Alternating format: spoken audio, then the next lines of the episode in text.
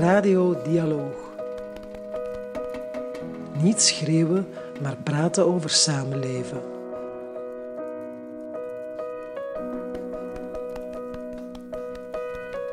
Het enige andere gevoel dat gewoon even sterk is, is hoop. Mensen zijn in staat tot zotte dingen als ze erin geloven dat dat gaat lukken. Kaart die dingen aan, consequent, maar brengt een hoopvol nieuw verhaal.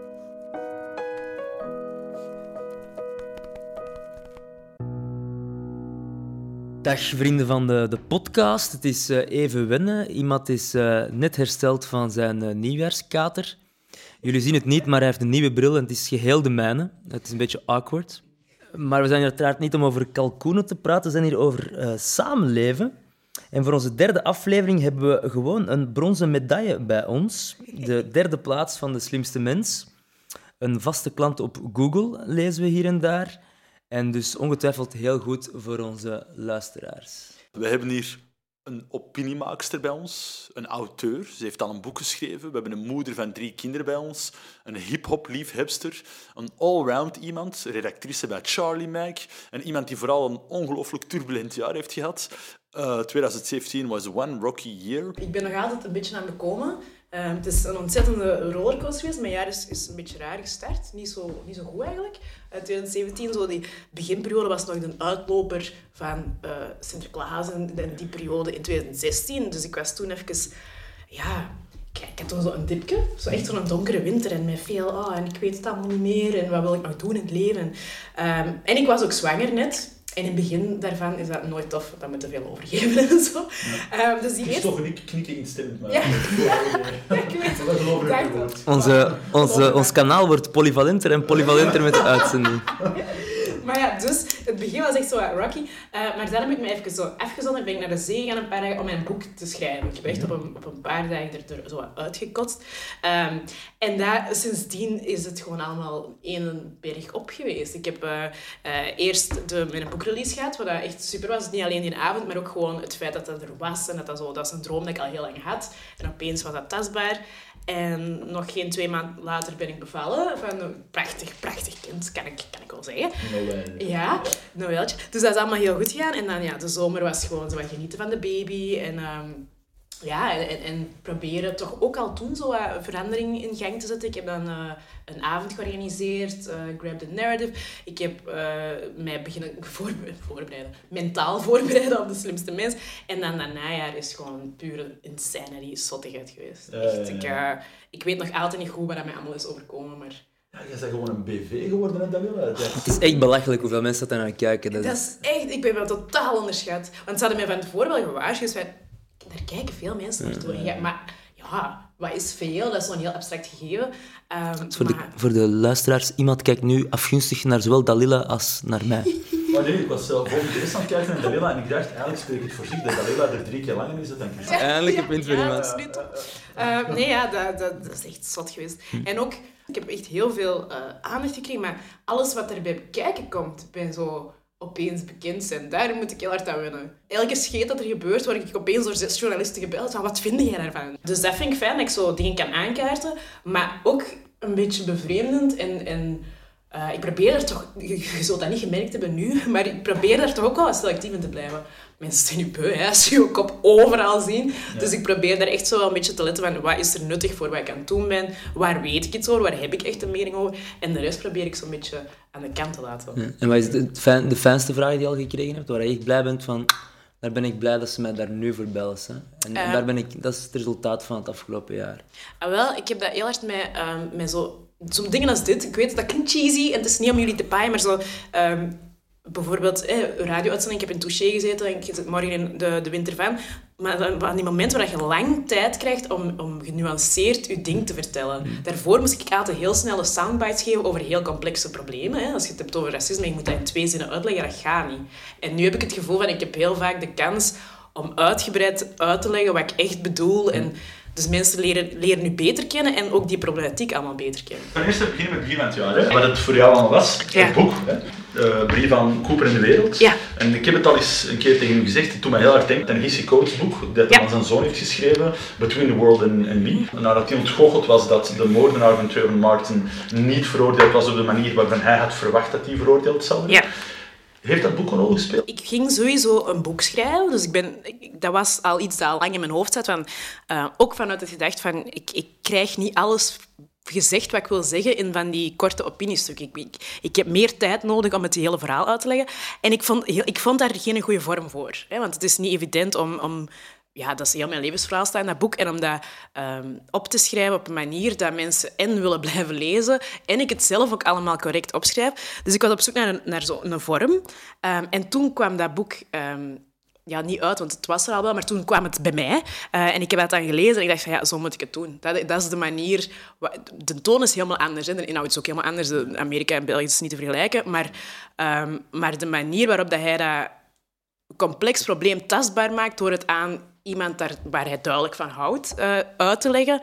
Ik dacht, ja, dat is de enige manier waarop ik dat waarheidsgetrouw ga kunnen doen. Ehm, dus dat boek heeft mij wel heel rechtstreeks beïnvloed. Ja. Ik herinner mij nog hoe ik het boek zelf ook voor een stuk interpreteerde en hoe dat het ook werd gezien op de boekvoorstelling die er was toen in Antwerpen. Ja. Maar dat daar ook werd gezegd door enkele mensen van dit boek is een boek dat heel scherp is. Het toont heel moeilijke verhalen, maar tegelijkertijd geeft het ook heel veel hoop. Het is eigenlijk een rollercoaster en het is een goede mix van moeilijke dingen, maar ook positieve elementen om mee verder te gaan.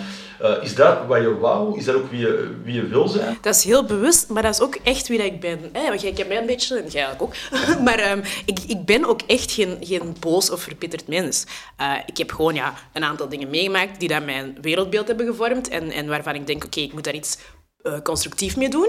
Dus ik moet mensen daar, daarop alert maken en, en, en duidelijk maken van, kijk, we hebben een aantal problemen hier, hier in onze maatschappij waar te weinig over gepraat wordt. Dus ik wil die, ge- die gesprekken op gang trekken.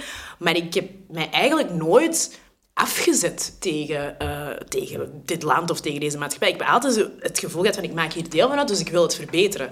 Ehm, en dat is ook de... Ja, je gaat dat merken als je mijn boek leest. Dat is de toon dat er de hele tijd in zit. Dus van oké, dit en dit en dit zijn de dingen die mij opvallen en waarvan ik denk, hier moeten we iets aan doen. Dus we gaan er ook iets aan doen. Hè. Ik, wil- ik, denk dat ik zo een beetje in elkaar zit. En ik geloof ook niet echt in zo alleen maar aankaarten. Dat is gemakkelijk. Hè. Je kunt de hele dag zeggen wat er allemaal mis is en wat je allemaal kut vindt. Maar als je daarna niet, eh, niet voortdenkt en niet, niet mee op zoek gaat naar een oplossing, dan heb je ook niet echt bijgedragen. Dus En is het idee van een boek dan echt ontstaan dat je dat moest doen om ook iets anders te kunnen laten horen dan de aanklacht? Is- Ja, Eh, ja en, en, en vooral omdat ik het gevoel had dat de, het grootste stuk van de weerstand die kwam, elke keer als ik iets aankloeg of aanklaag, of hoe zeg je dat, ehm, kwam voort uit het feit Wij dat zijn met mensen... dialoogtoon aan tafel, er mogen taalfouten gemaakt worden. Ja, maar het grootste deel van, de, van het probleem was altijd dat mensen niet begrepen waarom ik iets aanklaag. hè. Het is, heel, het is, het is voor mensen moeilijk om te begrijpen waarom ik een probleem heb met uh, Suske en Wiske of Zwarte Piet. Of hè, waarom ik een probleem heb met bepaalde dingen. Als je niet de rest van mijn levensverhaal kent, of als je, niet de, als je eigenlijk niemand kent met, met een zwarte kleur of met, met een migratieroute, ehm, dan lijkt dat heel snel dat we gewoon zagen. En dat we gewoon dingen hier willen veranderen heel de tijd. Eh, maar er is wel degelijk een reden voor. En ik kreeg dat nooit uitgelegd in die korte stukken. En in mijn boek heb ik echt... Ik had echt de bedoeling, ik wil iemand door mijn eh, ogen naar de wereld laten kijken. En dan gaat hij misschien het nog altijd niet met me eens zijn, dat hoeft ook helemaal niet, maar dan gaat hij wel begrijpen waarom bepaalde dingen voor mij problematisch zijn. En heb je, heb je het aan je, aan je kindje geschreven omdat je ook denkt dat die toch nog altijd een klein beetje in dezelfde schoenen zal staan? Of heeft, heeft, heeft, heeft dat eerder te maken met ja, vormelijke keuze? Het, is, het was De- een de manier om het te kunnen schrijven. Ja, de beide. Dus het, het, het is begonnen vanuit een vormelijke keuze. Echt van, hey, dit is gewoon een goede manier om te... Maar door dat dan te doen en te beseffen van, ja, ik wil dit ook allemaal aan hem vertellen, eh, heb ik besef van, ik... Eigenlijk alles waar ik doe of waar ik mee bezig ben in het leven, hè, dat, is, dat is zoiets typisch aan ouders, is toch met in je achterhoofd van, ik wil dat de wereld mooier wordt voor mijn kinderen. Hè. Want Die, die zijn hier nu al en eh, die van jullie nog niet, maar... Ik zal als een goede auntie daar wel achter zitten nog. Nog niet, dat klinkt als mijn moeder. Ja, ja. ja, ja zo ben ik. gezegd dat zwangerschappen echt heel moeilijk zijn. Hè? Dus ik vind dat advies wat dubbelzinnig eigenlijk. Ja, maar dat is ook typisch ouders. Ehm, maar nee, ja, dus ik, ik, ik heb wel... ehm, ergens klopt het dat ik het aan hem vertel, want het is eigenlijk ook voor hem en, en zijn zussen dat ik heel veel dingen doe. Dat ik doe. Ehm, en ik heb ook het gevoel dat dat een heel moeilijk gesprek is om met, eh, om met kinderen te hebben. Ehm, en Heb je dat echt al geprobeerd om met Cooper? Want die is Cooper echt- is, nou, die wordt nog maar vijf. Hè? Ja, ja. Eh, ik, ik heb dat niet... Ik heb het gewoon... Nee, we hebben geen gesprek gehad over eh, racisme, maar hij heeft wel eens een keer een momentje gehad waar hij dat voor de eerste keer zelf beseft. Ik heb dat nu onlangs ook met mijn, mijn dochter, die dat, bijna drie is, ook gehad.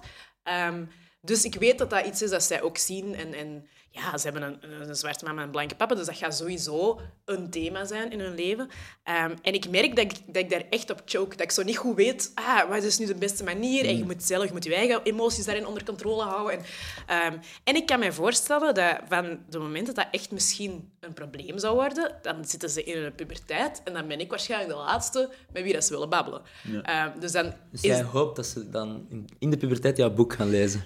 Of dat ze achteraf, als we daardoor geworsteld zijn, dat boek gaan lezen en gaan beseffen... Ah, ze heeft er wel al over nagedacht, maar ze bedoelen het toch wel goed, of zoiets. Ja. Dus eigenlijk is dat gewoon puur om je gezinsleven te redden dat je dat boek hebt wel, geschreven, ja. zodat je kinderen later niet kwaad op je zullen worden. of zo. dat is eigenlijk zo nee. voorhand alles afkopen. Nee, nee, ik, ik, ik, ik, snap het heel goed en ik begrijp het ook heel goed als je zegt uh, dat eigenlijk sinds je kinderen hebt, um, er wel een grotere drive is gekomen in het hele engagement dat je hebt. Ja. Ik ken je al langer. Hè. Ja. Uh, ik ken je wel alleen maar al, altijd met kinderen, want je bent er vroeg aan begonnen. Ja. Uh, en, uh, maar dat maakt wel je engagement nog groter en, en de drive nog groter. Ja, ik denk als ik geen kinderen had gehad, zou ik misschien sneller geneigd zijn om te zeggen: "Pff, ik ga reizen of ik ga... dan zou ik mij. Dan zou ik mij minder verplicht voelen om, om, om mij een deel van deze samenleving te voelen en, en daaraan te werken. Ja. Eh, ik denk dat ik mij gemakkelijker zou kunnen verwijderen. Of, nu heb ik zoiets van, nee, ik, ik leef hier. Mijn kinderen gaan hier naar school. Ja. Dit, is, ja, dit is gewoon wie wij allemaal zijn. Dus ik, wil dan, ja, ik heb dan zo'n soort verantwoordelijkheidsgevoel of zo. Ik heb zoiets van, ja. we kunnen daar ook niet van wegkijken. Of, en ik kan ook niet gewoon voortdoen en denken, ja, dat is toch wel allemaal vervelend. Ja, Ja, enkel zo klagen. En, ja, Ja. Ik, ik vond een van de dingen die je er net zei eh, heel interessant. Namelijk, eh, je wil niet alleen maar kwaad en verbitterd overkomen. Boos en verbitterd. En dat is iets dat je wel vaak hoort. Ehm, en, en vooral dan, eh, als je de literatuur erop naleest in Amerika bijvoorbeeld, Angry Black Men. zwarte mannen die op een bepaald moment... Ik heb nu net een stuk gelezen over Eric Garner. Ehm, in een boek dat ik nu ben aan het lezen, die dan het label kreeg van ja, de zwarte boze man. Maar eigenlijk is dat dan gewoon... Je verzetten tegen iets wat je zelf zeer onrechtmatig vindt. Maar het is een continu evenwicht tussen, ik moet mijn boodschap brengen naar zo'n breed mogelijk publiek en ik moet mijn, mijn, mijn, mijn, mijn, mijn, mijn engagement en mijn verontwaardiging ook op een bepaalde manier kunnen kanaliseren. Ja. Is dat iets waar je altijd al, al moeilijk mee hebt kunnen omgaan, of is dat net helemaal niet? Of... Ik vind dat een van de frustrerendste dingen, ehm, is het feit dat ik heel snel word, word weggezet als... Ja, ze is weer kwaad. Of zo, de boze... Terwijl...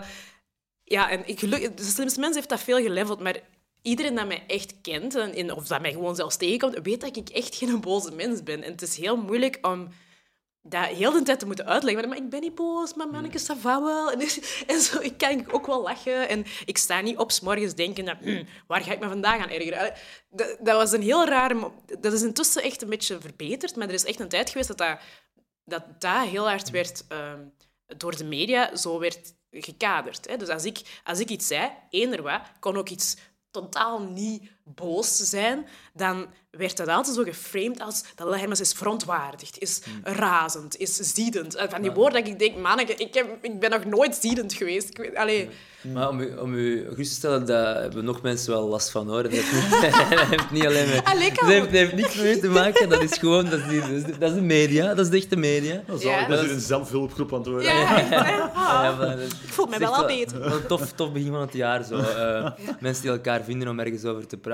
Maar eh, het heeft ook wel denk ik, te maken met een, met een bredere context waar die woordjes en die werkwoorden en die, Ja. en die bijvoeglijke naamwoorden wel sneller worden gekozen dan, dan een tijdje terug, denk ik. En als je dan de eerste keer, hè, of toch nog zichtbaarder op het eh, publieke toneel komt, ja, dan wordt je daar ook de eerste keer mee geconfronteerd. Dus voor een stuk heeft Ja. het daar ook wel zeker mee te maken, denk ik. En Ja, hoop ik. maar ik merk dat dat echt, dat dat echt een invloed heeft gehad op hoe dat, eh, mensen mij zagen. Want, keken. Ja, want ik heb de meest gehoorde reactie na de eerste aflevering van De Slimste Mensen, dus de meeste berichtjes waren mij jij valt best wel mee. Alsof dat ik zo een of andere draak was. en dan Christophe, op Christophe, hoeveel mensen Ça va. gestuurd? Ja, echt, dat is toch zot, hè? Eh, Terwijl ik dat... Terwijl ik heb jij ook over overal gebabbeld? dat helpt keihard. Eh, Nee, maar ik heb wel spermavlekken gezegd als Ah, antwoord op een vraag. oh, dus dat was direct klaar. Misschien moeten iets over... Misschien, hè, onder controle houden. Want eh, ik voel, voel dat iemand het moeilijk krijgt. eh, maar eh, over de... wat mij ook daarnet bijbleef, als je zei van ja, de, het gesprek loopt soms zo moeilijk als ik iets aankaart en er is niet altijd veel begrip. En dus die boek helpt om door mijn verhaal te vertellen, om aan mensen duidelijk te maken, ja, daarom is dat voor mij zo belangrijk. Voor een deel is denk ik bijvoorbeeld het gesprek over Zwarte Piet en, en Sinterklaas zo moeilijk, omdat dat inderdaad iets is van mensen weten niet goed waarom het zo belangrijk is. Nee, totaal. En dus, voor een kleine, denk ik, minderheid heeft het zeker te maken. Er moet niks veranderen en, en dat is zelfs goed. En die, eh, Ja. het moet, moet zelfs nog, nog straffer zijn. Ja. Maar gewoon, ja, voor andere mensen, waarom is dat zo belangrijk? Ja. Ik denk dat, dat, dat, dat is zo'n mechanisme dat ik in, in heel veel debatten, en zeker in dat debat, enorm opmerk. Het is veel meer on, ongekend, dus onbemind, dan iets anders. Ja. Ik heb eigenlijk een vrij genuanceerde mening erover ook. hè. Ik heb altijd gezegd, ik ben gewoon voor die roetpiet. Ik vind dat een fijne aanpassing. Hè. Maar er zijn heel veel mensen die dat nu pas begrijpen waarom. Eh, ook doordat, niet alleen ik, maar doordat heel veel andere mensen intussen ook hebben uitgelegd van ja, maar dit en dit en dit. Ehm, en dan merkte dat dat eigenlijk allemaal niet zo bitsig hoeft te zijn. Dat het, dat het vooral in eerste instantie is van, maar ik heb, dat, ik heb dat nooit zo ervaren, dus het is geen issue. En dan moeten uitleggen, ja, maar uw ervaringen alleen zijn niet de zijn enige eh, die... de. Nee. Ik, ik vind het altijd heel fascinerend, of heb het altijd heel fascinerend gevonden, dat Zwarte Pieten-debat, omdat ik heb dat nooit gevierd als kind. En ik heb zelf ook geen, geen zwarte huidskleur, dus de, de emotionele affiniteit mee waar het is om Zwarte Piet zo te zien afgebeeld worden, heb Ja. ik ook nooit gehad. En ik heb altijd het gevoel van, jongens, mits één kleine aanpassing is iedereen tevreden. Waar loopt deze mis? En mijn vraag is vooral ook aan u, wat is vooral het verschil tussen ons en Nederland? Omdat het, het debat in Nederland lijkt helemaal compleet Dat ontspoord te zijn. Terwijl hier komt het af en toe op en er is zo de gebruikelijke loopgravenstellingenoorlog, maar dan Ja. gaat het weer weg. Of beeld je mij dat verkeerd in? Ik heb het gevoel dat we zelfs hier gewoon heel positief aan het evolueren zijn. Ik bedoel, hier bij de intreden in Antwerpen waren het roetpieten en er was geen protest en er was geen... Nobody cares. Oké, Ja, ja, ja. tuurlijk, je hebt de mensen die het er echt heel hard aan vasthouden. Maar ik zeg het, dat is niet de grote meerderheid volgens mij. Ik denk dat het verschil is, ten eerste zo... Allee, ik, ik mag eigenlijk niet veralgemenen, maar voor the sake of dit gesprek ga ik dat even doen. Vlamingen zijn zo een beetje conflictvermijdend. We houden niet echt van conflict. zijn iets minder outspoken meestal ook. Christophe opschrijven. hè. Ja, dus Vlamingen houden niet van... Eh, dus dat heb je. Dus dat is al één factor, denk ik, dat wij eigenlijk liever geen ambras maken. Dus als we het kunnen oplossen, dan doen we dat. Dat is een beetje de, de houding. En ook ehm, de mensen die hier eh, dat gesprek op gang hebben gebracht, dan heb ik het ja, nu de laatste tijd over mezelf, maar ook een heleboel andere eh, eh, activisten, of ik weet niet, zwarte mensen gewoon, ehm, hebben dat ook met heel veel begrip gedaan. We hebben ook altijd van in het begin gezegd, ehm, we gaan uw, uw kindertijd niet, niet verpesten, we gaan hier niet zeggen dat is super racistisch, we hebben geen zwarte piet is racisme op ons trui gezet, eh, omdat ik dat ook niet zo constructief vind. Mijn, mijn hoop is dat het verandert. Hè? Dat we gewoon die aanpassing kunnen laten gebeuren zoals in Pietenpact heel netjes staat omschreven. Ehm, dat we gewoon kunnen evolueren naar een roetpiet zoals de, de traditie eigenlijk is, hè, wat het verhaal eigenlijk is. Dus al de redenen daarvoor vind ik van ondergeschikt belang. Laat ons gewoon focussen op dat compromis en focussen op de, op de vooruitgang. Ehm, In Nederland heb je zowel meer militante voorstanders als denk Ja, dat daar- maar ik denk ook omdat daar dat gesprek zo explosief be- ja, begonnen is, want het gaat, gaat al het gaat echt eeuwen al van mee, de jaren 50 of jaren 60 al in Ja, maar de laatste tijd, omdat ik denk daar, ja, mensen zijn, daar, zijn het daar ook gewoon helemaal beu, helemaal Ja. klaar mee. Eh, en ik denk ook dat er een groot verschil is, dat je heel klinkt, maar eh, in Nederland hadden ze Dag Sinterklaas niet. Ja, en Dag Sinterklaas heeft Ja. echt hier in Vlaanderen bepaald hoe dat wij kijken naar de Sint en Piet. En eh, de Piet in Dag Sinterklaas is de slimmerik. En de Sint is zo wat een dementerende Ja. eh, oude, oude zot. Dat de, Piet- dus wij hebben dat beeld van de Piet als knecht, als dommerik, als ondergeschikte eigenlijk al een hele tijd geleden laten varen. Ja. Kudos Hugo Matthijssen en Bert Peters. Ja, ja, echt waar. Dus ik, ik denk dat dat ook heel veel, veel meer invloed heeft dan dat, dan dat we soms beseffen. Ja. Een coalitie tussen Bart Peters en Dalila Hermans. En Klaar. Badilla P. Hermans. Nee, er moet nog aan gewerkt worden. Er moet echt nog aan de gewerkt titel worden. Ja, gewerkt ja, ja, ja. ben je daar trots op dat dat debat die wending... eh, want uiteindelijk is dat wel een heel mooi, eh, moeilijke periode geweest, want je krijgt heel wat tegenwind, hè, toch nog altijd. Het zijn Ja. Nederlandse toestanden, maar toch... eh, het, is, het is niet altijd fijn om een debat te hoeven aan te trekken. Nee. Maar uiteindelijk heb je dan toch wel eh, zo'n Pieten pakt dat dus... nee, Ik was heel... Iemand moet zijn eerste decreet nog gestemd krijgen hè, in het Vlaams parlement. Pieter Pakt is geen decreet, denk Get ik. to hè. work. Over. Ja. Nee, ik, ja, trots, nee, dat is totaal niet mijn verdienste, maar ik was wel heel blij toen dat... De, ah, dat een momentje dat ik echt zo even zo'n traan wegpinkte, dat klinkt nou heel dramatisch, maar dat was toen dat de, de grote jeugdbewegingen op een keischone manier ook eh, richtlijnen gaven aan hun groepen. En dat die opeens zeiden van, kijk, dit is ook een, een manier. En dat was voor mij een heel grote ja, een klik. Dat is een klik dat hier gemaakt is. Want in mijn eh, kindertijd bijvoorbeeld waren de, de pieten op school en zo, dat waren allemaal die leiding van de, van de jeugdbeweging. Ja, ja, ja. Dus als die mee zijn, ja, dan is die verandering onstopbaar. En dan weet ik van, het komt goed. Maar ik denk, oh, we hebben nu stappen gezet dat het ook belangrijk is om te blijven investeren in het vertellen van dat hè, succesverhaal, hoe heel veel organisaties en verenigingen eigenlijk daar een oplossing voor gevonden hebben. Ja. Maar ook een stukje blijven investeren in de analyse van als het gesprek moeilijk gaat, gaat het meestal over ja, de situatie niet kennen, onbekend is onbemind, in plaats van dan over fundamenteel racisme in de meeste gevallen. Ja. Empathie, No- empathie voor een Empathie is de, is, Ja. is de sleutel voor alles. En ik denk ook gewoon beseffen van... ehm, voor de mensen die dat vasthouden aan die traditie, die houden gewoon vast aan een stuk van hun, identiteit. En dat is iets wat ik zelf ook heb moeten leren, want in het begin begreep ik dat echt niet. Een paar jaar terug had ik echt zo van, maar Eh, en nu heb ik door van, ja, eigenlijk is dat een heel natuurlijke reflex. Er wordt geraakt aan iets waar jij zo... eh, met zo'n fijne herinneringen aan hebt, dat jij zo graag aan je kinderen wilde doorgeven. Eh, en opeens komt iemand van buitenaf zeggen, dat is fout. Ik snap dat dat heel moeilijk is. En doordat ik dat snap, kan ik ook met veel meer begrip in dat debat gaan. Ik hoor u en ik begrijp u ook volledig. En ik ben het ook eens met wat je zegt. Er zijn zoveel mooie verhalen van hoe dat mensen er op een heel volwassen manier mee omgaan. Ja. Hoe dat ze op een genuanceerde manier en respectvol een gesprek voeren en tot oplossingen komen. Ja. Niet in het minst daar waar jongeren eh, bij Ja. betrokken zijn. Maar denk je dan ook dat dat wil zeggen dat die gesprekken naar de toekomst toe makkelijker zullen lopen? Bijvoorbeeld over de Sint en Zwarte Piet hier in Vlaanderen 2018, 19 en dat iets is dat zal voorbij gaan? Ja, ik denk dat echt wel. En ik denk dat gewoon... Er zijn ook...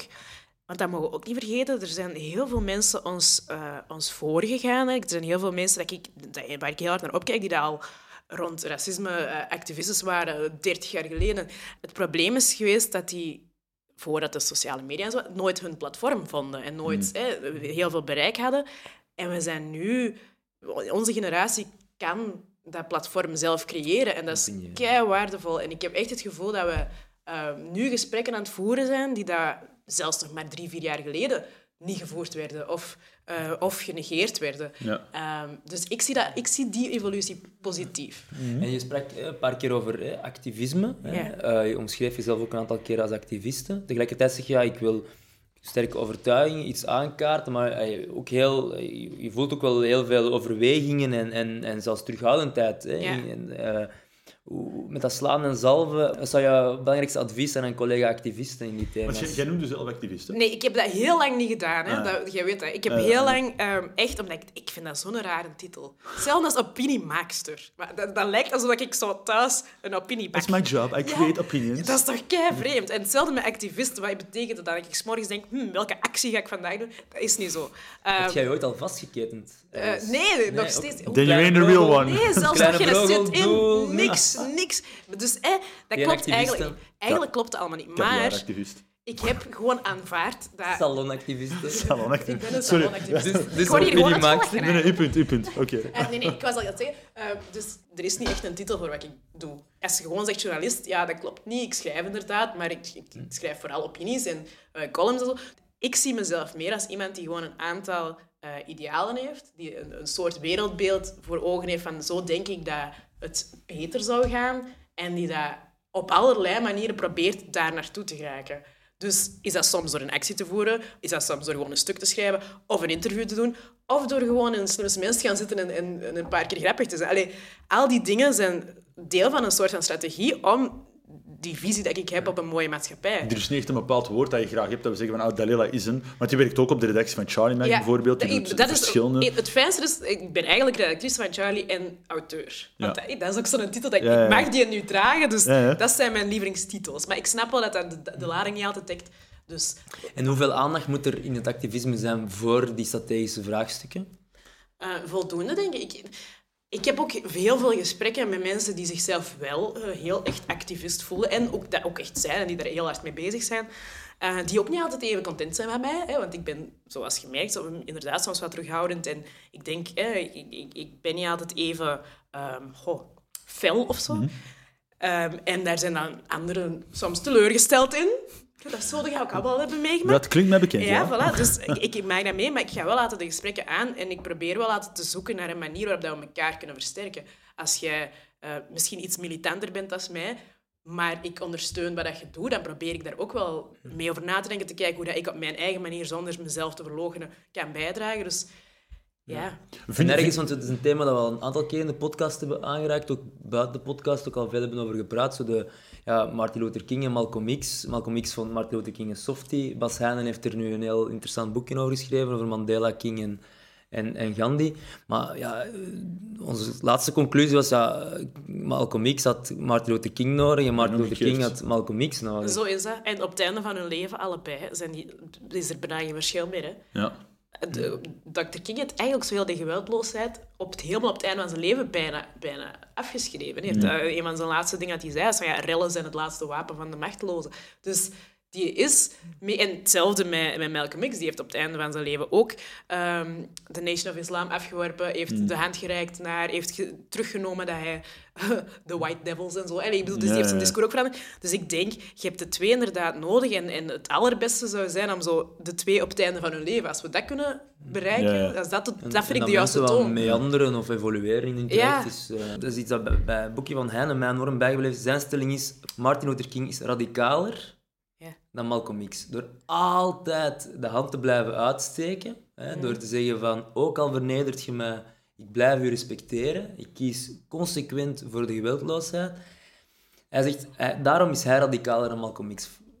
Kun je daar eens bij voorstellen, zoiets van, dat is zo iemand die een boek wou schrijven en eh, een toffe stelling zocht? Ehm, ik, nee, ik, ik vind niet dat je... Ik vind het heel lastig ook om die twee tegenover elkaar zo te zetten. Ik, vind dat niet, ik denk ook niet dat hij dat zelf zou gewild Ze hebben. zijn aanvullend en niet per se eh, gemaakt om opgemeten te worden. Nee, voilà. En ik denk dat hij dat zelf ook helemaal niet fijn vinden dat dat de conclusie is. Dus ik, ik wil me daar ook niet zo aan schuldig maken om, om te kiezen of zo tussen de twee. Eh, ik denk dat die allebei ehm, heel radicaal en consequent eh, hebben gestreden voor de rechten van, van hun mensen en voor alle mensen. Ehm, ik kan mij het beste vinden, want ik, ik luister heel naar speeches, dat is zo mijn sleutelkant, heb ik alles verteld. Ehm, en de allerlaatste, nee, niet de, ik weet niet of het de allerlaatste is, maar de I've Been to the Mountaintop speech van eh, Dr. King, dat is mijn favoriet. Eh, van al die speeches van de allebei, omdat hij daarin echt heel concreet eh, over, over, over boycotten begint. Welke merken, op welke manier. Ehm, dat was een militante speech, maar daar blijft nog altijd heel veel eh, liefde in zitten. En heel veel zachtheid en heel veel... Dus dat is zo wat een toon dat je volgens mij moet... Allee, waar ik naar, naar streef, is zo van... Hier zijn de grenzen. Dit is wat we niet meer gaan pikken. Dit is wat er nu moet veranderen. Uh, maar hier is een ook constructieve manier om dat te doen. Ehm, en, en dat lijkt me heel belangrijk. Ik was altijd op zoek naar oplossingen. En ja... We zijn nu al een tijdje bezig over activisme. Hè? En eh, jij en ik hebben al een paar keer ook gesprekken gehad inderdaad, over activisten die ons aanspreken en, en eh, misschien voor een stuk wel dezelfde doelen als ons najagen, Ja. ehm, maar die dan misschien ontgoocheld zijn in het feit dat politiek natuurlijk geen activisme is. Eh, of te- toch niet hetzelfde soort activisme. En jij als auteur dan, en als redactrice, je twee favoriete woordjes, die dat ook op een andere manier ehm, om, invult. Maar ik heb altijd het gevoel gehad, activisme is nodig in onze samenleving. Je hebt mensen nodig die op zo de verste polen zitten om, om, om een scherpe mening te formuleren en zich op één bepaald punt te enten. Ehm, zie je dat hier in Vlaanderen gebeuren? Zie je dat genoeg gebeuren? Hebben wij hier in Vlaanderen ehm, voldoende activisten die, die bepaalde maatschappelijke thema's die belangrijk zijn, zoals bijvoorbeeld samenleven en, en ehm, wat was het tweede? Ja, twee thema's aangegeven in de humor die je zelf heel belangrijk vond, en waar je zelf ook vond dat je er expertise in had. Eén daarvan was zo'n zo samenleven. Eh, en gender, inderdaad. Vind je dat er genoeg activisme is hier in Vlaanderen rond die twee thema's? Ik denk dat dat er wel is. Ik vind dat er nog niet genoeg aandacht krijgt. Eh, je hebt nu de... ik, heb, wanneer was het? Ehm, ik heb pas een, een, een interview gedaan met Rutger Bregman en Rick Torfs, eh, waarin dat Bregman o- ergens ook zegt van de echte energie zit op rechts. Ehm, ik vond dat, zo, ik vond dat een, een pijnlijke uitspraak, maar ergens volg ik dat ook wel een beetje. De, de, zij, zij krijgen mensen gemobiliseerd om, om achter standpunten die dat ik niet, waar ik niet mee in kan vinden, om zich daar echt achter te scharen en heel actief daarmee. Terwijl dat het ehm, voor de andere, ja, de andere kant, om het dan maar zo te zeggen, veel moeilijker is om mensen ehm, ja, wakker te schudden en mee te krijgen. Goh, ik zou willen dat de, de activisten die bezig zijn met die thema's en, en met, met thema's die ik belangrijk vind, gewoon meer aandacht krijgen en meer platform krijgen. En, ehm, het is aan, er is iets aan het veranderen en, en er worden gewoon zelf platformen gecreëerd. En ik zie alle positieve dingen, dat heb ik al gezegd. Maar in de mainstream media wordt er nog altijd wel veel meer aandacht gegeven aan, aan, aan een soort ja, rechtspolariserend Maar is het, niet zo, populistisch is het dan niet zo eh, dat er wel genoeg energie is hè, in die kringen? Want als je kijkt naar het aantal boeken dat is verschenen de afgelopen wel weken hè, Ja, hier ja, in Vlaanderen van heel veel verschillende activisten, die, die, waarvan ik trouwens allemaal vind dat ze een deel uitmaken van eh, een nodige eh, schakel zijn in de strijd die we zijn aan het voeren, ieder op zijn eigen manier. Ehm, die, eh, die zijn er wel, die energie is er wel, maar het is vooral een kwestie van oppikken, of denk je echt het is een kwestie ook van energie? Het ene komt met het andere. Hè. Als je als jij voelt dat je boodschap heel weinig voeten aan de grond krijgt, is het ook Moeilijk moeilijker om, die mensen- energie daarin te blijven steken. Terwijl ja, als je voor elke, elke scheet dat je laat aandacht krijgt... Ik, ik heb ook in, in dat interview nu heb ik ook gezegd van... De energie is er wel, maar het, het zijn de gatekeepers, degenen die dat beslissen van wat zetten wij in onze krant, wat, wie nodigen we uit in ons tv-programma, welk thema geven wij aandacht. Ehm, ja, het zijn die die dat mee moeten. En daar zit volgens mij nog wel wat... Zeg jij, nu, op. zeg jij nu de mainstream is rechts? Eh, Op het nee. vlak van samenleven en dingen? Ik zeg dat niet, want ik vind dat niet. Maar Nee. ehm, er wordt te vaak, denk ik, voor een gemakkelijke ehm, thematiek gekozen. Als jij, als, als eh, bijvoorbeeld eh, hoofdredacteur van een krant, als jij een artikel schrijft eh, over het boze monster van de islam of over oh, ze willen Zwarte Piet afschaffen, dan weet jij, amai, keiveel kliks, eh, iedereen gaat erop springen. Dus telkens als er ook nog maar een klein beetje iets in die richting zit, ga je dat heel de tijd hè, pushen. Terwijl ja, je kunt er ook voor kiezen om dat niet te doen. Je kunt er ook voor kiezen om andere verhalen te brengen. Ja. En om andere eh, boeken en, en, en, en, en, en mensen eh, evenveel aandacht te geven. En dan bepaalde ook een beetje mee wat dat de mainstream denkt. De mainstream is niet per se rechts, is gewoon heel populistisch en, en, en kiest voor die gemakkelijke oplossingen de hele tijd. Dat brengt ons eigenlijk bij het, bij het laatste deel rond eh, de staat van het debat. Eh, straks hebben we nog een citaat van jou over puistjes, maar die ga ik aan, eh, aan iemand laten. Misschien in de actualiteit, in de actualiteit aansluit bij wat je net zei, is er te veel of te weinig aandacht geweest voor eh, het gedoe rond Boef? Te veel waarschijnlijk. En ik heb er dan ook aan, maar ja, aan bijgedragen, want ik heb ook even mijn mening gegeven op Studio Brussel, omdat ik heel de dag telefoon kreeg en dacht van laat ik het dan maar gewoon in een gesprekje doen. Toen wij ook altijd, als iedereen belde, zeggen we, we doen alleen Studio Brussel. Nee, maar ik- We hebben nu ook al keiveel zenders die ons willen uitzenden. Alleen Studio Brussel. ja. Ehm, nee, eh, heeft, nee, goh, nee, het is ergens een sign of the times dat dat boef aandacht heeft gekregen. Dat wil in twee richtingen. Dat is een sign of the times over het feit dat uh, blatant seksisme gewoon niet meer gepikt wordt. Hè? Dat mensen echt op hun right. achterste post staan en zeggen van fuck, dat, dat doen we niet meer. Dus dat vind ik heel tof.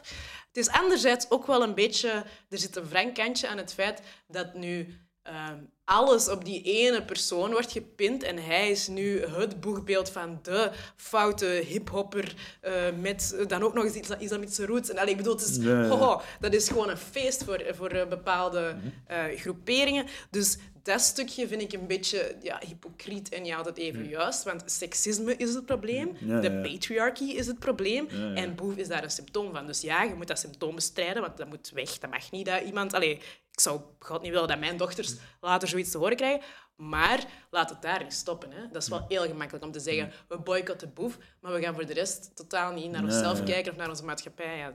Maar ik, Ik heb denk wel, als je... een Als je over Boef, want hij, wou daar- hij- hij- hij was in de running om, om op, uh, op te staan. Het ging sowieso waarschijnlijk niet doorgaan. Ik heb zo'n hele dag getwijfeld, zou ik het zeggen dat hem, dat hem niet moet komen, ja, ja of nee. Ik heb dat uiteindelijk niet gedaan en ik heb er eigenlijk wel een beetje spijt van. Dat je niet zo op je strepen hebt gestaan Ja. daar. Ja. Omdat, ik, omdat ik toch zoiets vind van... allee, dat is iemand die, als je gewoon op YouTube kijkt hoeveel dat die jonge mensen bereikt, alleen al daarom is het de moeite, vind ik, om daar, om daar tegenaan te gaan. Ik vind- en ik twee vind- ook, als, als je het als progressief niet doet, hè, Ja. dat is mijn bedenking nu, ja, dat, misschien verlies je dan ook wel krediet in andere debatten. Want Ja, dat is, want, dat is een kan- moeilijke ja, Jouw punt is afweging. terecht van, hè, want ja, het wordt nu misschien door sommige mensen te gretig, want het is boef, hè, een, Marokkaanse man. Omgekeerd, ja, Het is een Ik wist dat jij dat ging Het is zeggen. Algerijns roots. Ik wou, ik wou testen Ja. of, of iemand nog wakker was. maar Ja. Ja, Ja, nice, ja. Ja, maar dus nice een- fly, een. Algerijnse man. Ja, misschien... Ik voel dat met mezelf een zekere schroom. Ja, ik ga, ik ga het nu niet doen, want anders speel ik mee in het spel van... Ah ja. Oh nee. Ik- ben transparant over mijn, over Ja, mijn dat is hè. mooi. Ik zeg, Maar dit, is dat een zelf, je dit is een zelfhulpgroep, heb ik al eerder aangehaald. Dat is geen probleem. Nee, maar die soort redeneringen snap ik niet. En, en in die zin ook, ik begrijp ergens wel dat de afweging... niet gedaan heb. Nee, Ja. ik, begrijp de afweging dat je denkt van, dat doe ik er aan mee. Maar fuck it, hè. dat is inderdaad een ranzige, seksistische opmerking die er los over gaat. Er moeten op reageren. En tegelijkertijd, door als uitgesproken progressieve stemmen dat te doen, kunnen ook die andere dingen... eh, eh, kunnen ook ingaan tegen die andere hypocriete houdingen, inderdaad. De uitspraak van Boef is degoutant, daar gaat er los over. Maar alles wordt op een hoop gegooid. In die zin, ja, zijn liedjestekst, dat is nog iets anders. Er moeten andere discussies over gevoerd Ja. worden, over vrouwenvriendelijke teksten in muziek, in hip-hop enzovoort. Dit heeft hij niet gedaan in een tekst, maar in een vlog, waarin hij heel duidelijk vrouwen eh, bestempelt als hoeren als ze uitgaan tot 8 uur s ochtends. En dan komt er nog die hele ehm hypocriet reflex, die niet goed is, want dat we seksisme niet aanvaarden is zo duidelijk nu, en daar word ik ook heel blij om. Ik heb het ook gisteren in een stuk geschreven. Ja. Vanuit zoveel verschillende hoeken is een duidelijk signaal gekomen, dit pikken we niet meer.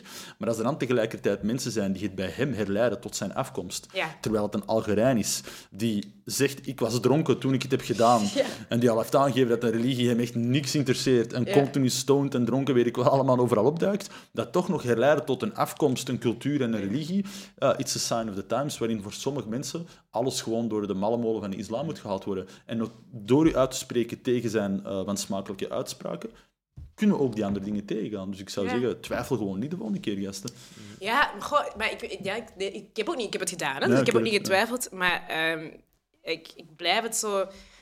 ik- dat is wel iets, nu dat we toch hier in ons zelfhulpgroepje zitten, Mhm.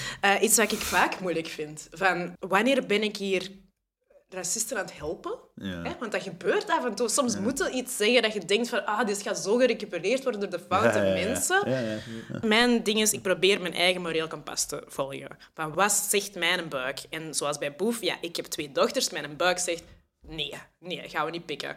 Maar mijn verstand zorgt er dan voor dat ik heel goed kies op welk platform, op welke manier. En kan ik daar ook mijn hele verhaal kwijt. En, Maar het is wel een, dat is wel een afweging dat ik heel vaak Maar maken. ik, denk, ik vrees, als je We zijn al activiste... Zelfhulpgroep is misschien wat pejoratief. We zijn elkaar spindokter. Ja, Nee, maar ik, ik vind het gewoon heel interessant. Laatst, omdat sinds ik in de politiek ben gestapt ehm, en heel wat mensen heb leren kennen, ehm, zoals u, maar ook activisten en zo, merk ik gewoon dat voor heel veel mensen ehm, van onze generatie die wortels hebben in alle, alle uithoeken van de wereld, is het een continu dubbele strijd. Hè? Ja. Je kaart problemen aan en tegelijkertijd bevechten ook mensen die hun vooroordelen misbruiken om bepaalde groepen in een bepaalde hoek te duwen. En dat zal altijd een evenwicht zijn of altijd een dubbele strijd zijn. En als dat de prijs is die ik moet betalen om dingen te veranderen, dan is het zo, denk ik. Ja, ja zo, zo bekijk ik het ook. Zo. Maar het is, ja, ik denk soms dat, ehm, dat mensen niet beseffen dat dat echt iets is waar je over moet nadenken. Ja, ja En absoluut. niet, ik- er wordt dus ook zo vaak de valse perceptie van mij dat ik zo... Als een ja, dat je een flap uit bent die... Toetsenbord. ik ben boos. Eh, maar nee, ik denk er echt heel hard over na. En ik, en Spreekt ik- Hollands, zeg jij boos, hè? of was dat nu gewoon toevallig? Ja, nee, Ah, ja. ik Ja, spreek ja. Hollands als ik boos ben, omdat mijn, eh, mijn zoontje, die, die kijkt heel naar Thomas de Trein. En, eh, Christophe en ik raken nu ja, eh. Thomas de Trein. Thomas de Thomas, je moet dat opzoeken. Dat Ja, is echt ah. shit. Dat is echt een keileuk programma. Eh, Ah, maar hij is eraan verslaafd. En ehm, dat is zo met een Hollandse, Hollandse eh, eh, voice-over. Dus eh, altijd als ik met hem zo stemmetjes doe, Ja, is dat ja. in het Hollands. En sindsdien is dat blijven hangen. Alright, alright, alright. Zo, dat brengt ons heel dicht bij de staat van het debat. Eh, moeten we nu vrolijk, hoopvol of toch een beetje negatief zijn? En jij had nog een citaat bij dat je enorm Ja, opgevallen in de ik, ik, had, ik had er eens Om eh, allerlei redenen begreep ik. gelezen. eh, ja, het ging over puisten. Dat is een Ja. favoriete. Nee, dat is niet waar. Eh, maar het ging inderdaad over... eh, je vergeleek het maatschappijdebat, als ik het goed begrepen, met Ja. een puist over samenleven en alle moeilijke dingen die je uitnijpt. Er komt etter uit, dat is ranzig, dat is niet makkelijk, dat zijn moeilijke debatten. Maar op een bepaald moment komt de heling. Heb Ja. jij dat zelf ge- aangehaald? Ja. Ik dacht dan, mooi, hè? dat is een puist die dan heelt. Maar ze hebben er zeker van, het geen gezicht is vol met acne. Dat is al één. Eh, twee, hebben de juiste formule voor kleerasiel. En eh, ja, kijk, ik kan in die beeldspraak helemaal meegaan. Maar, maar vooral, eh, vooral eh, ik vond het mooi om te lezen, maar ik dacht... ik ben heel optimistisch van nature, maar is dat niet een ietsje te simpel wishful thinking beeld? Ehm, dat kan goed zijn, iemand. Maar ik vind dat niet erg. Eh, nee, Ik ben ik- blij dat jij niet Hollands begint te praten. Ja, nee, ik ben niet Oh boos. boy. Eh, nee, ik, ik, ik gebruik die beeldspraak omdat, omdat ik voel van mensen zijn zo... Zijn dat ook zo beu, die negativiteit Ja, en die nooit. bagger. En ik moet zelf ook veel incasseren, je weet dat. Eh, en ik heb echt zo het gevoel van, oké, maar dat is iets tijdelijk, want dat kan niet blijven duren. Ja, iets dat heel geconcentreerd is. En hoe dat het nu gaat, eh, zo hard tegen hard en, en, en trolls en haatmail en al die dingen, dat kan volgens mij, realistisch zelfs, want dan word ik naïef genoemd, maar realistisch gezien kan dat niet blijven duren, want waar eindigt dat? Ik bedoel, je hebt de rellen in Brussel gezien en we kunnen niet zo naast elkaar tegenover elkaar blijven. Dus ik denk, ja, dit is nu even voor die gore periode waar je door moet, waarin dat we eh, met een puberend internet zitten en met, een, eh, een beetje een verziekt eh, publiek discours. En het is ook weer al campagnetijd en zo. En ik denk daarna... Want je voelt dat nu al, dat er een tegenbeweging... Je voelt dat echt nu al, dat er een tegenbeweging bezig is. Dat mensen dat ook beu zijn, die negativiteit. Dat er, eh, dat er op andere manieren over wordt nagedacht. Dat er ook, eh, ook zelfs vanuit de media zoiets is van... Ja, eigenlijk, wat is dit? Waar zijn we nu aan mee bezig? Dus ik denk die heling, ik voel dat er aankomen. Ehm, dus misschien ben ik dan... eh, ik vind dat niet naïef. Ik vind dat, dat is echt iets wat ik gewoon heb vastgesteld. Door heel veel ehm, te praten met mensen, door heel vaak in dat oog van de storm te zitten. Dus ook wel eens een beetje eh, ervaringsdeskundigen of zo. Van, er komt een moment waarop dat, dit, dat we dit ook weer ontgroeid zijn. Ja. Je zou misschien ook een andere tijdelijkheid kunnen vermoeden, in de zin van er staat nu een nieuwe mondige generatie op. eh, thema's die worden gepolitiseerd. Relatief nieuwe thema's voor een groot deel van de samenleving. En we moeten daardoor, en eigenlijk het feit dat die thema's op de agenda staan, goede zaak. Ja, Zou voilà. ook een, zou ook een deel van de tijdelijkheid Dat kunnen is, zijn. ja, en datzelfde met, met MeToo is ook zoiets. Dat was ook een etterende puist. Hè, want, vrouwen voelden zich al zo lang onderdrukt en, en, en, en niet serieus genomen. En er was zo'n cultuur van alles mag en alles kan.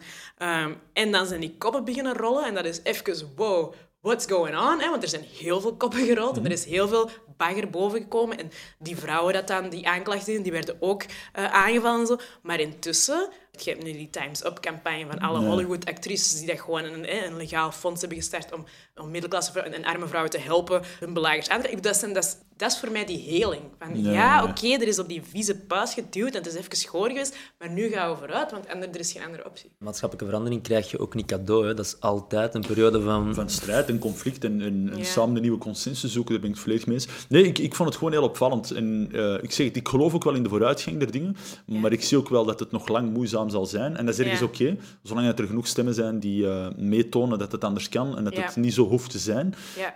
geloof ik wel in die verandering.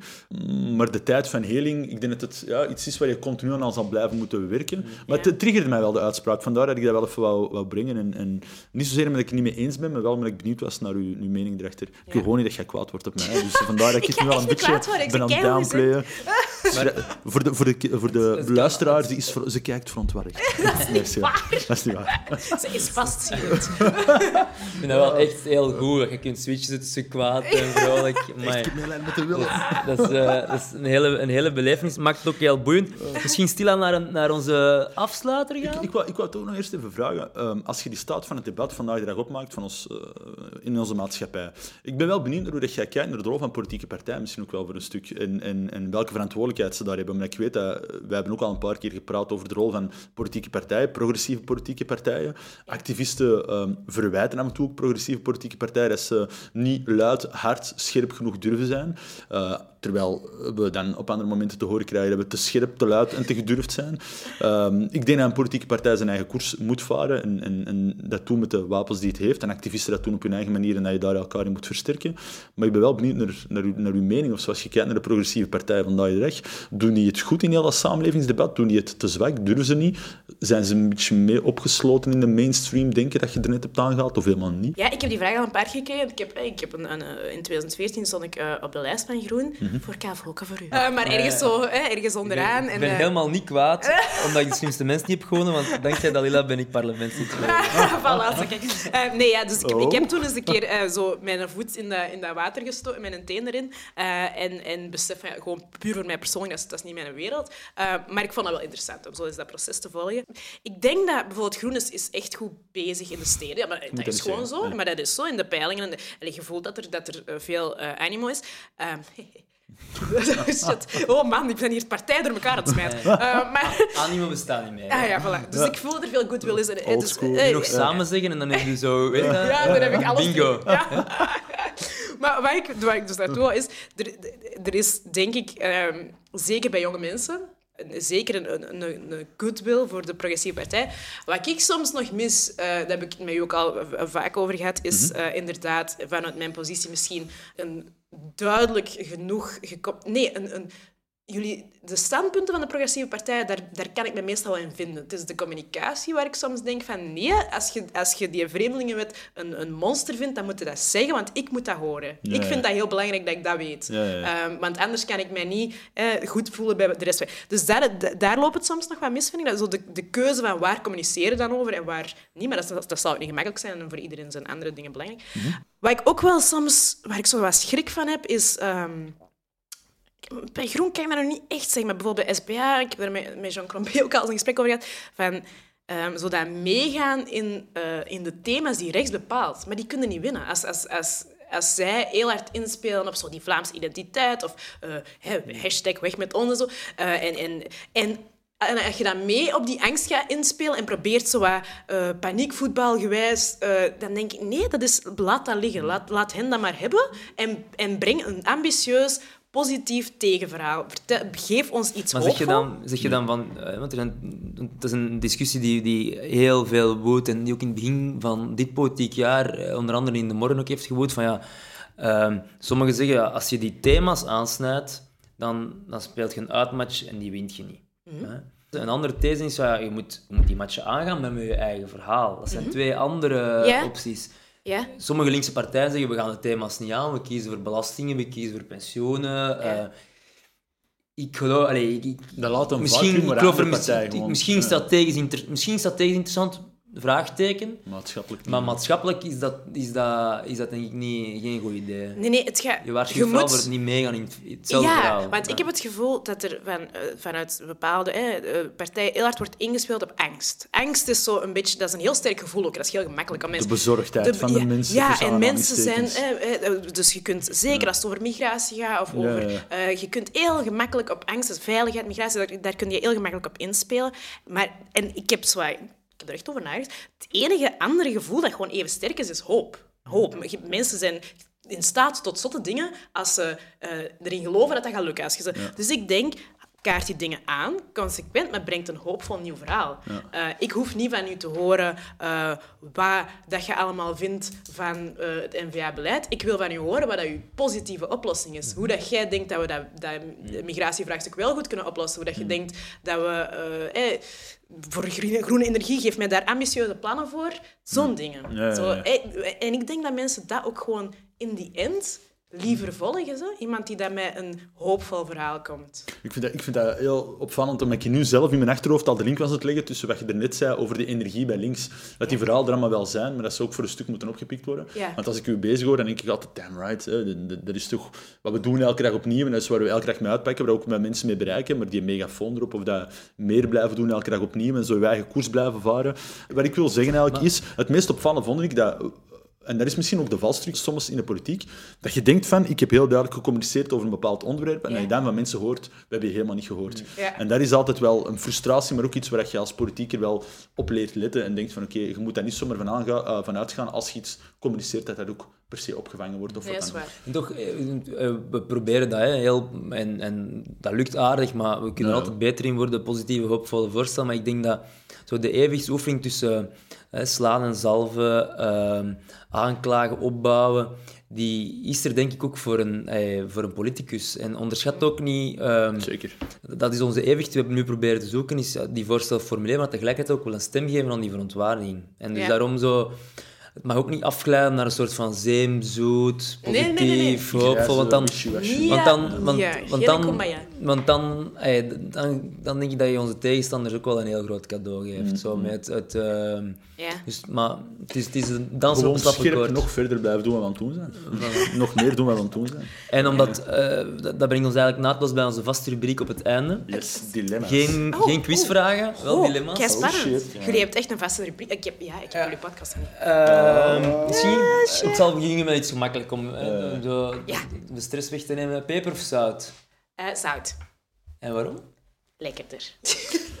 Tupac of Biggie? Oh, Ja, I know. oh. Toepak. Toepak, toch? Ja, toch wel. Waarom? Ehm, eerste liefde of zo. Ja? Ja, ik had Die ook een grote poster en zo. Ah, Oké. Ik heb daar kussen op. Ja? Dus ja, dat is mijn boyfriend in mijn hoofd. Ja, laten we het daar, laten we Ja. het daar, eh, Ik laten zal we daar stoppen nu, ja. Kempen of Antwerpen? Kempen. Tuur- Ja, sorry. Ja, campen. Campen for life. Als regioparlement zit voor de campen, kan ik dat alleen maar beamen. Mijn vriendin komt uit, ook uit de camp, dus ik moet deze zeggen. Ja, Ook Uw trui is ook heel erg camper, vind ik. ja ook wel een beetje. Dat vind ik wel raar dat je dat zegt. bril hè. niet. Dat is wel een goeie, mooie bril. Oh man, stop me over mijn, mijn bril is helemaal anders dan die van Christophe voor de luisteraar, want ik heb stijl en hij... Wel, dat laat ik in het midden. Eh, Oké, nog een volgende. Jij die een voetbalploeg coacht, of jij die mee op het plein staat? Als jij Een maar niet coach, mee- definitely Ja? coach. Ik Ja? kan echt voor geen meter Als voetballen. iemand ik weet maar niet voetbal. want iemand Hey, kan niet maar, voetballen. Maar pas op, ja, ik heb niet kunnen meedoen de vorige keer. Wij maar hebben samen een gecoacht. Ja, ik heb... dat is eh, beter, denk ik. Ja, Dat is even het mooiste moment van mijn leven. Ja, bij mij ook. Voor, de, voor zij die niet elke keer luisteren, iemand, als hij zaalvoetbalt, dan lijkt hij op een basketter. En dat is heel... dat Waar is- ik ook ben, voor alle eh, duidelijkheid. eh, eh, eh, dus voetbal, voetbal gaat... Zoveel denk- haat naar zo'n mooie podcast. Maar ik kijk, ik lach. Ik, ik lach, ja. Voilà, Ja, ja, voilà, ja, ja. Dalila bevestigt. Ja. Christophe is helemaal niet kwaad, Christophe is vrolijk. Eh, nog een dilemma. Gouden uil of de slimste mens? Gouden uil. Definitely. Dat, Dat gaat er niet in zitten. lijkt me het ook wel. Ik zou echt raar aangekeken hebben, maar moest jij toch voor de slimste mensen gekeken Ja, het hebben. zou een beetje zielig worden. Groot dicté of de slimste mens? Oeh. ehm, Dat is wel moeilijker. dat is moeilijker. Ja, dan wel liever de slimste mens. Ja. ja. Beyoncé of Solange? Oeh. Oh, Solange. Ja, echt. Ja, sorry, wel. is zoveel Ja, meer woke. Ja, Als het ja, over muziek gaat, dan is Solange. Ja. ja, hè. Dalila, vond je het leuk? Ik vond het heel leuk. Ja? Ja. Alright. Christophe? Wij ook. Het is- een afgrijzelijke zaal waar we zitten. Er Ja, mooie archieven van Agalef van denk, 88 tot 94. Maar desondanks, Old school, old school. desondanks is het wel een heel mooi, hedendaags, progressief en hoopvol gesprek geworden. Dankjewel, iemand. Mooie bril. Dankjewel, Christophe. Ah. Dalila. Mooie madame. Oh, Het jaar is begonnen, dames en heren van de Voilà. podcast. Beste wensen We voor de luisteraars trouwens ook. Maak er een mooi nieuwjaar. 2018 van. Ja. Tot binnenkort. Yo.